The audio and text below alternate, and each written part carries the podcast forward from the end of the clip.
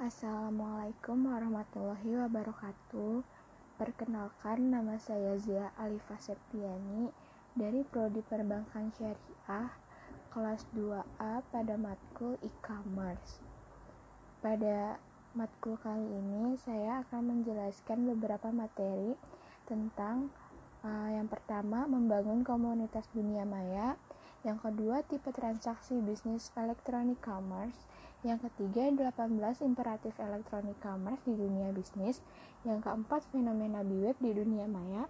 Yang kelima, mekanisme transaksi pembayaran di internet. Dan yang keenam, metode pembayaran dengan digital cash. Dan pada materi yang pertama, membangun komunitas dunia maya. Masyarakat di negara berkembang terkadang heran melihat bagaimana gencarnya majalah-majalah di dunia pada saat ini membahas dan menceritakan bagaimana internet dan teknologi informasi telah mengubah perilaku manusia secara signifikan. Hal itu pun tidak secara merata dirasakan oleh seluruh komunitas masyarakat. Masih banyak di kota-kota besar yang hanya memandang teknologi informasi hanya sebatas penggunaan email dan internet browser saja. Melihat kenyataan tersebut, logikanya biaya yang harus ditanggung masyarakat untuk memakai dan memanfaatkan infrastruktur ini haruslah cukup rendah, sehingga seluruh lapisan masyarakat tanpa kecuali dapat memanfaatkannya secara leluasa. Yang kedua, tipe transaksi bisnis elektronik commerce.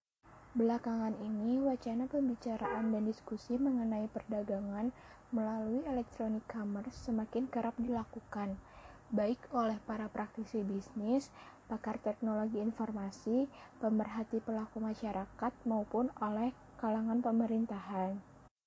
Pada open market, contohnya adalah ebay.com yang menawarkan jasa pelelangan barang melalui internet.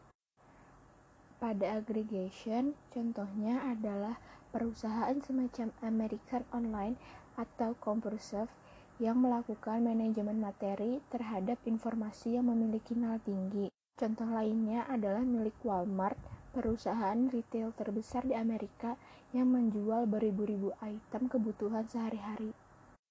Yang ketiga, value chain community contohnya adalah Amazon.com yang menjual beraneka ragam buku yang dapat dibeli oleh para customer di seluruh dunia melalui internet.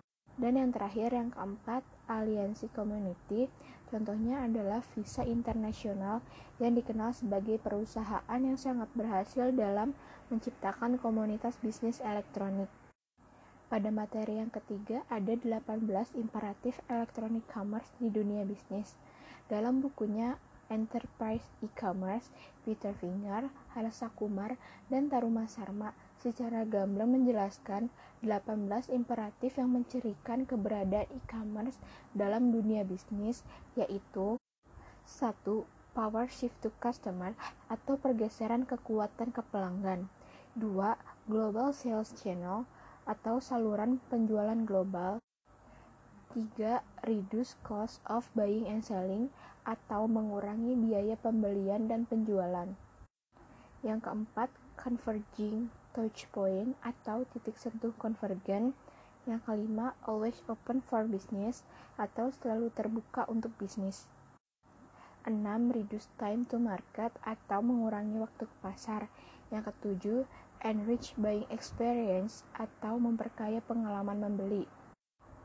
Yang kedelapan ada customization, 9 self-service atau melayani diri sendiri, 10 reduce barriers of market entry atau mengurangi hambatan masuk pasar.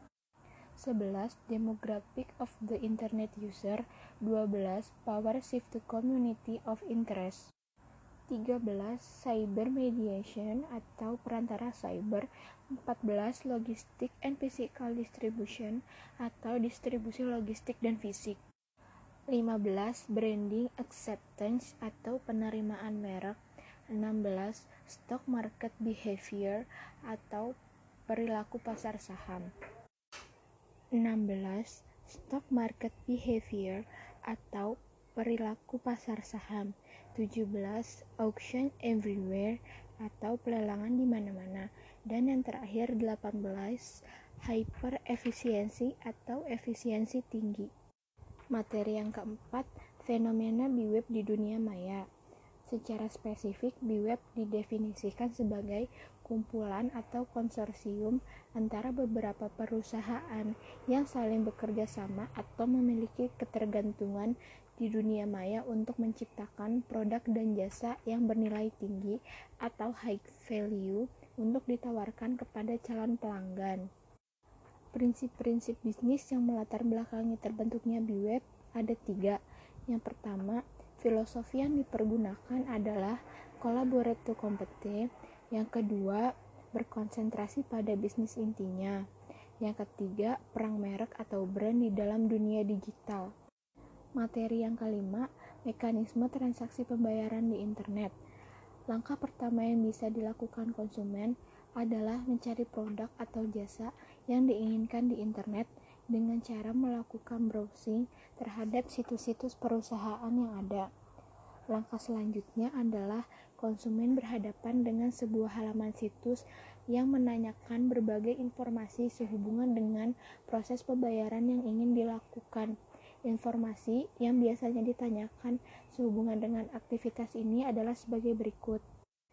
Yang pertama, cara pembayaran yang ingin dilakukan seperti transfer, kartu kredit, kartu debit, cek personal, dan lain sebagainya. Yang kedua, data atau informasi pribadi dari yang melakukan transaksi, seperti nama, alamat, nomor telepon, alamat penagihan, dan lain sebagainya. Dan yang ketiga, bagi perusahaan yang memperbolehkan konsumennya untuk melakukan pembayaran beberapa kali atau cicilan, biasanya ditanyakan pula termin pembayaran yang dikehendaki. Dan materi yang akan kita bahas terakhir adalah yang keenam, metode pembayaran dengan digital cash.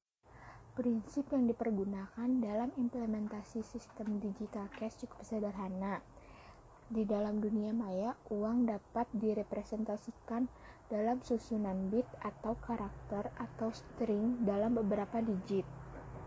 Seperti layaknya penggunaan kupon dalam sebuah bazar, seorang nasabah bank dapat meminta beberapa kupon atau disebut sebagai token kepada bank tempatnya menabung dalam pecahan yang diinginkan, misalnya 1 US dollar. Variasi terhadap implementasi sistem uang digital ini telah dikembangkan oleh beberapa institusi keuangan.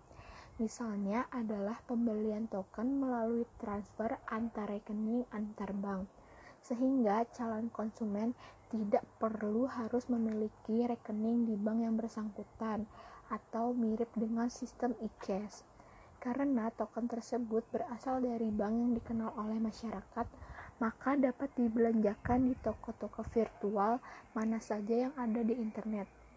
Atau variasi lain adalah membeli token dengan menggunakan kartu kredit di sebuah lembaga keuangan tertentu. Tentu saja harus ada lembaga asosiasi yang mengatur agar uang palsu tidak berkeliaran di dunia maya yang biasanya dibentuk oleh pemerintah negara setempat. Sekian penjelasan dari saya, kurang lebihnya mohon maaf. Wassalamualaikum warahmatullahi wabarakatuh.